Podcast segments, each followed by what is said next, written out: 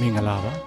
ဒလိသမိုင်းအစီအစဉ်ကနေကြိုးဆိုလိုက်ပါတယ်ဒီအစီအစဉ်ကိုဒဝဲဝက်ဝိုင်းတော်သားတွေကစီစဉ်တင်ဆက်တာပါဒီတစ်ပတ်မှာတော့ကွဲလွန်သူစာရေးဆရာအာကာဖြိုးကံပေါက်ရဲ့ရှင်ကိုရှင်မှစ၍ဆောင်းပါးကို တင်ဆက်သွားမှာပါဒီဆောင်းပါးကို2019ခုနှစ်ဧပြီလ9ရက်နေ့ကဒဝဲဝက် website စာမျက်နှာမှာတင်ဆက်ထားခဲ့တာဖြစ်ပါတယ်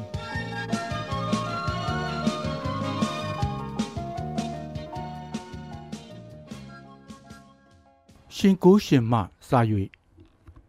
တနင်္သာရီတိုင်းဒေသကြီးဒဝဲခရိုင်၄မြို့နယ်အတွင်းဟေမာဂီရိမြို့တရိမှတ်ပြီးရှင်ကိုရှင်ဆိုတဲ့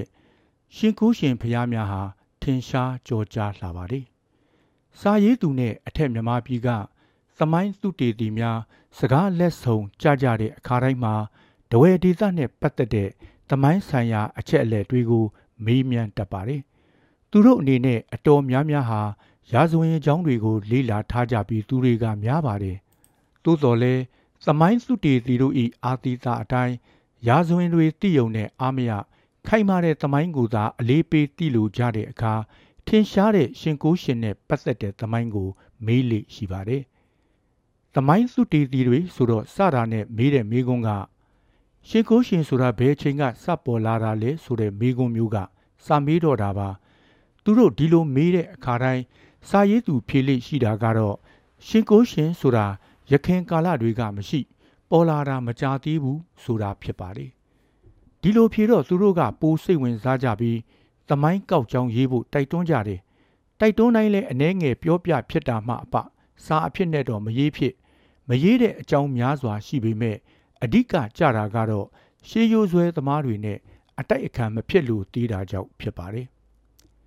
ရာဇဝင်သမားများနဲ့သမိုင်းစုတေတီများကြားမတူညီတဲ့စံရက်တီချက်ကွဲပြားတာတွေရှိကြပါတယ်။သမိုင်းစုတေတီတွေဟာအစဉ်အလာယုံကြည်ချက်တွေကိုလိုအပ်လာတဲ့အခါတိုင်းမှာတော်လှန်ရလိရှိတယ်။အစဉ်အလာယုံကြည်ချက်ကိုတော်လှန်ကြသူတိုင်းအန္တရာယ်သို့မဟုတ်ပြဿနာများရင်ဆိုင်ရလိရှိကြတာကနေပယ်တိုင်းမှာဖြစ်လိရှိတဲ့သဘာဝတစ်ခုပါ။ဖောက်ထွက်တော်လှန်သူတိုင်းဟာအနေဆုံးအနေနဲ့ အမြင်ဆောင်တာတော့ခံကြရပါတယ်။သမိုင်းသူတေတီများကတော့ဒီဖြစ်စဉ်ကိုရှောင်မရ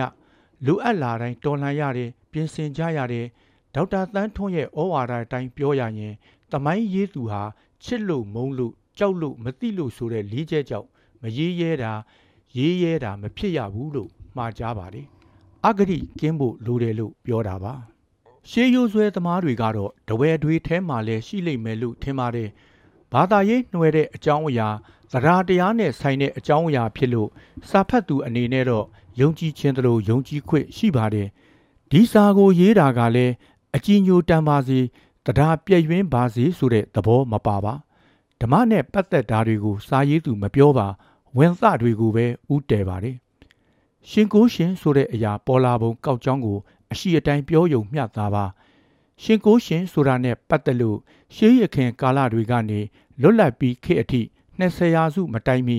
တဝဲရာဇဝင်မှတ်တမ်းအဆောင်ဆောင်တို့မှာဘယ်နေရာမှာမှမပါရှိပါဇေဒီဖျားတဆူချင်းစီဤရာဇဝင်အပိုင်းစများပါရှိကြပါသောလဲရှင်ကိုရှင်ဟူ၍တော့အစောပိုင်းကြောက်စာပေးစာပရပိုက်စာတို့၌ဘယ်မှတ်တမ်းမှမှမပါရှင်ကိုရှင်ဆိုတာဘယ်အချိန်မှစပေါ်လာတာလဲဆိုတဲ့မိကွန်းအတွက်အဖြေက1980ကျော်လောက်မှပေါ်လာတာလို့သာပြောစရာရှိပါတယ်။ စာရေးသူကြားဖူးလာတာတော့1995နောက်ပိုင်းမှာပါဒီဝေါ်ဟာရကိုအစောဆုံးတွေ့ရတာကတော့ဆရာကြီးရွှေဝေအေးရေးတဲ့ဒဝဲရာဇဝင်သမိုင်းစာအုပ်မှာဖြစ်ပါတယ်အဲ့ဒီစာအုပ်ကို1984ခုနှစ်အောက်တိုဘာလမှာပထမအကြိမ်ထုတ်ဝေပါတယ်2005ဩဂုတ်လမှာဒုတိယအကြိမ်ထုတ်ပါတယ်ဒါကြောင့်အဲ့ဒီအချိန်မှပေါ်လာတယ်လို့ပြောရတာပါရှေးဟောင်းသမိုင်းဝင် ရှင်ကိုရှင်ဖျားများလို့ဆိုလိုက်တော့ ကြံတဲ့ရှင်ပါတဲ့ဇီဒီဖျားတွေအခြားဖျားဇီဒီတွေကသမိုင်းဝင်မဟုတ်ဘူးလားဆိုပြီးတိတိနဲ့စနောက်လို့တော့ပြောင်ချော်ချော်နဲ့အမေးထုတ်တာလည်းရှိပါတယ်ကျန်တာတွေလည်းသမိုင်းဝင်များတာဖြစ်ပါတယ်သမိုင်းစောတာနဲ့နောက်ကြတာရဲ့ကြောကြားတာနဲ့မထင်ရှားကြတာသာကြွာကြတာပါအားလုံးကသမိုင်းဝင်တွေကြီးပါပဲတနင်္သာရီတိုင်းဒေသကြီးသို့မဟုတ်ဒဝဲလေးမြို့နယ်အတွင်း သမိုင်းဝင်ဖျားတွေထင်ရှားတာတွေသမိုင်းတွင်တော်လဲတိမ်မြုပ်နေတာတွေများစွာရှိပါတယ်ရှင်ကိုရှင်ဆိုတာရှိလာတော့ပေါ်လာတော့ဘာဖြစ်သလဲဆိုရင်ဘာမှမဖြစ်ပါကောင်းတာရှိသလိုအားနေတာတွေလည်းရှိပါတယ်ကောင်းတာကတော့ဟိုတယ်နဲ့ခရီးသွားလုပ်ငန်းတွေအပြင်ဖျားကိုမှီပြီးစီးပွားရေးအခွင့်အလမ်းတွေပွင့်လန်းလာပါတယ်နိုင်ငံတော်ဗန္ဒာအတွက်အခွန်အကောက်မှန်ခဲ့ရင်ပါပါနတ်နတ်ကင်တွယ်တက်ခဲ့ရင်ဝင်ငွေပူရစီပါတယ် အားနည်းချက်အပိုင်းကတော့ဒေသခံများအနေနဲ့သိမသိတာပေမဲ့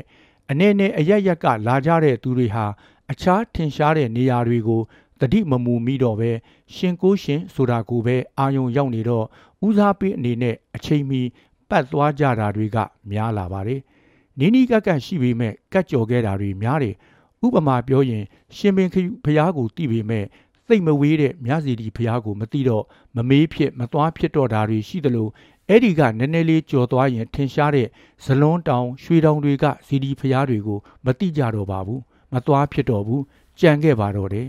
ရက်ဝေးကလာကြသူတွေသာအဲ့ဓာတွေကိုအကုန်သိနေကြရင် သူတို့အတွက်လဲဒေသန္တရဘဟုတုတနဲ့ကုသိုလ်ပိုရမှာဖြစ်သလိုတစ်ဖက်ကဒေသခံများကလည်းတဦးချင်းဝင်ငွေတက်လာနိုင်ပါတယ်တဦးချင်းဝင်ငွေတက်လာရင် တိုင်းပြည်ဝင်ငွေပါတက်လာတာမို့များစွာအကျိုးရှိစေပါတယ်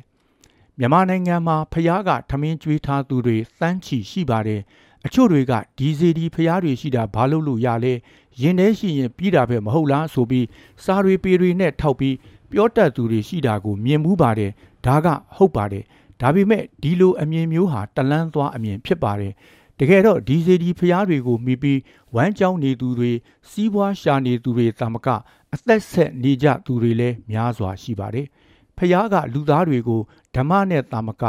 အခြားနည်းတွေနဲ့ဘယ်လိုစောက်ရှောက်တယ်လဲဆိုတာကို မြင်သာစေမဲ့အချက်တွေထဲမှာဒီဟာကတခုပါပါတယ်။ရှင်ကိုရှင်ဆိုတာကိုဖန်တီးခဲ့သူအနေနဲ့ဘယ်လိုသဘောနဲ့ဖန်တီးခဲ့သည်ဖြစ်စေအပြစ်ထင်စရာတော့မရှိပါ။ကောင်းမြတ်တဲ့ရည်ရွယ်ချက်တစ်ခုခုနဲ့ဖန်တီးခဲ့တာပဲဖြစ်ပါလိမ့်မယ်လို့သာနားလည်ပါတယ်။ရှင်ကိုရှင်ဆိုတာအရင်ကမရှိခဲ့သည်မှာမှန်တော်လဲ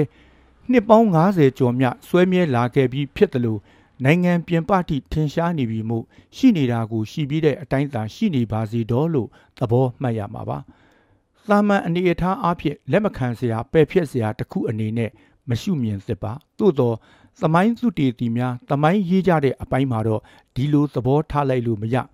မှတ်တမ်းအနေနဲ့အရှိအတိုင်းအမှန်တိုင်းသာရေးသားမှတ်တမ်းပြုထားရမှာဖြစ်ပါတယ်။အရေးကြီးတာမဟုတ်ပါဘူးကွာဆိုပြီးပေါ့ပေါ့ဆဆလုပ်မရပါ။ ရာဇဝင်ဆရာများကိုလည်းတိုက်တွန်းနှိုးဆော်အကြံပြုလေတဲ့အချက်ကတော့စာအုပ်တွေထုတ်ဝေကြတဲ့အခါတဝဲရှိဟောင်းသမိုင်းဝင် ရှင်ကိုရှင်ဖျားများဆိုတာနဲ့ဘောင်ခတ်မထားဖို့ဖြစ်ပါတယ်။တဝဲဒေသတွင်းရှိသမိုင်းဝင်ဖျားများဆိုတာမျိုးကိုပုံမူဦးစားပေးထုတ်ဝေတတ်ပါတယ်။ဖျားကိုစူတာမဟုတ်ပဲအခြားအခြားတို့ကိုပါကြဲကြဲပြက်ပြက်စုပေါင်းရေးသားထုတ်ဝေရင်ပိုကောင်းတယ်လို့တိုက်တွန်းတင်ပြအပ်ပါတယ်။ဟိုတယ်နဲ့ခီးသွွားလုပ်ငန်းရှင်များအပိုင်းကိုလည်းအကြံပြုလိုပါတယ်။ လုပ်ငန်းရှင်များအနေနဲ့မိမိတို့ရဲ့လုပ်ငန်းကြော်ညာလက်ကမ်းစာဆောင်ခရီးသွားလမ်းညွှန် website လူမှုကွန်ရက်မီဒီယာများကနေမိမိတို့ဝန်ဆောင်မှုလုပ်ငန်းအကြောင်းဖော်ပြကြတဲ့အခါ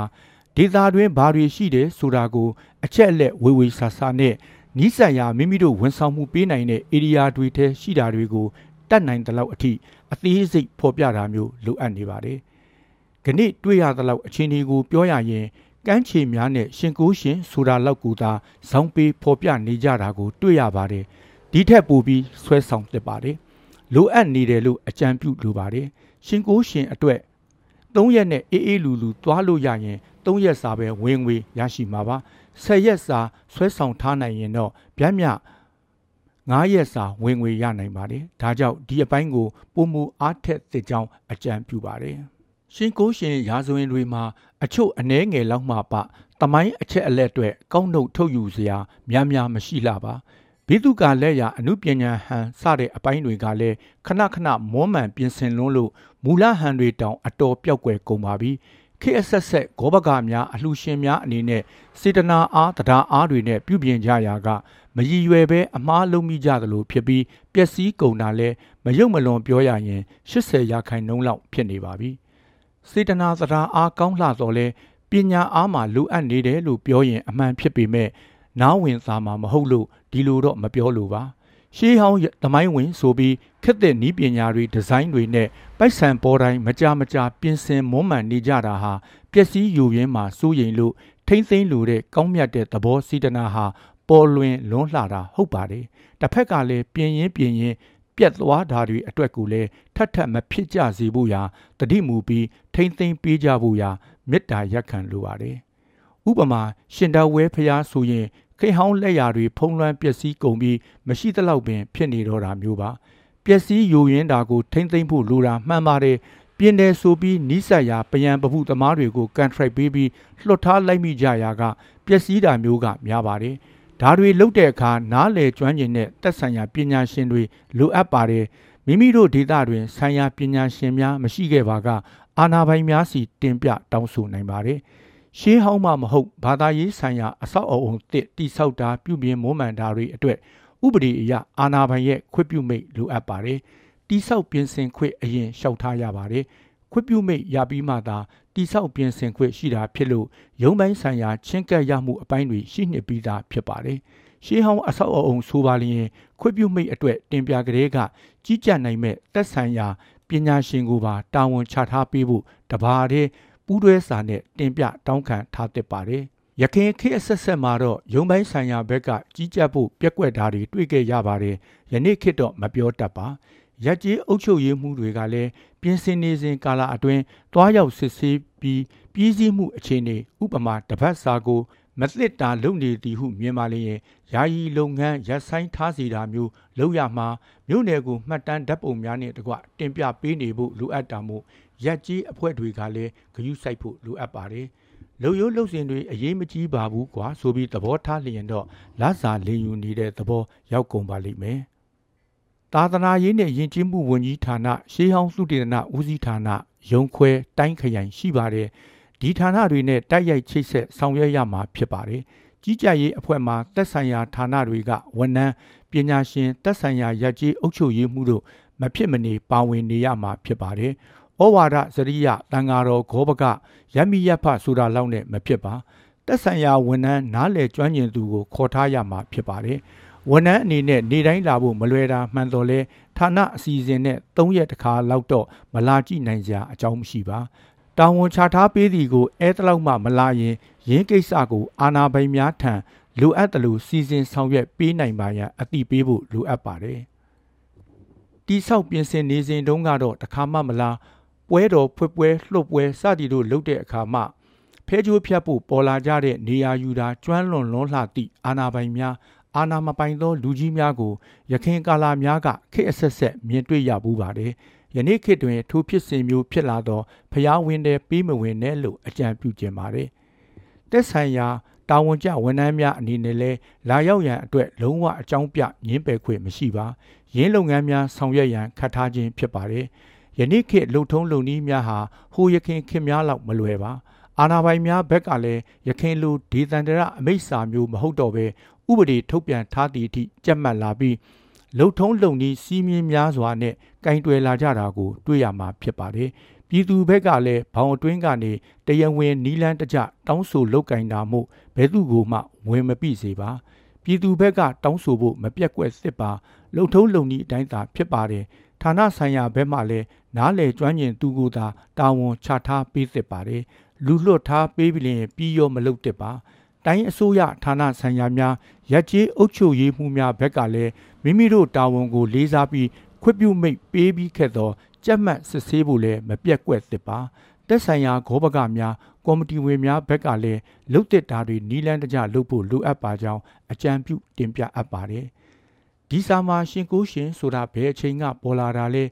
ဖျားစီဒီတွေကလူတွေကိုဘလို့စောက်ရှောက်နေတယ်လဲ ရာဇဝင်ဆရာများလှုပ်တင်နေတဲ့အရာဟိုတယ်နဲ့ခီးသွွားလုပ်ငန်းတွေရဲ့လှုပ်တက်ပြီးလိုအပ်နေတဲ့အစိတ်အပိုင်းရှေးဟောင်းယဉ်ကျေးမှုအမွေအနှစ်များထိမ့်သိမ်းမှုအကြောင်းအာနာပိုင်များနှင့်ဂောဘကများဆောင်ရွက်တဲ့အရာအချို့ကိုအနှဲငယ်များလောက်တင်ပြခဲ့ပါတယ်။အတော်များများကတည်ထားပြီးသားဖြစ်ကြလိမ့်မယ်လို့လည်းယူဆပါတယ်။အမှုမဲ့အမှတ်မဲ့မဖြစ်စေဖို့သာရည်ရွယ်ပြီးတိုက်တွန်းနှိုးဆော်အကြံပြုတင်ပြခဲ့တာသာဖြစ်ပါကြောင်းအာကာဖြိုးကံပေါက် အခုတင်ဆက်ခဲ့တဲ့ဆောင်းပါးကတော့စာရေးဆရာအာကာဖြိုးကံပေါက်ရဲ့ရှင်ကိုရှင်မစာ၍ဆောင်းပါးဖြစ်ပါတယ်နားဆင်ပေးခဲ့တဲ့အတွက်ဒဝဲဝက်ဝိုင်းတော်သားများကအထူးကျေးဇူးတင်ရှိပါတယ်ခင်ဗျာ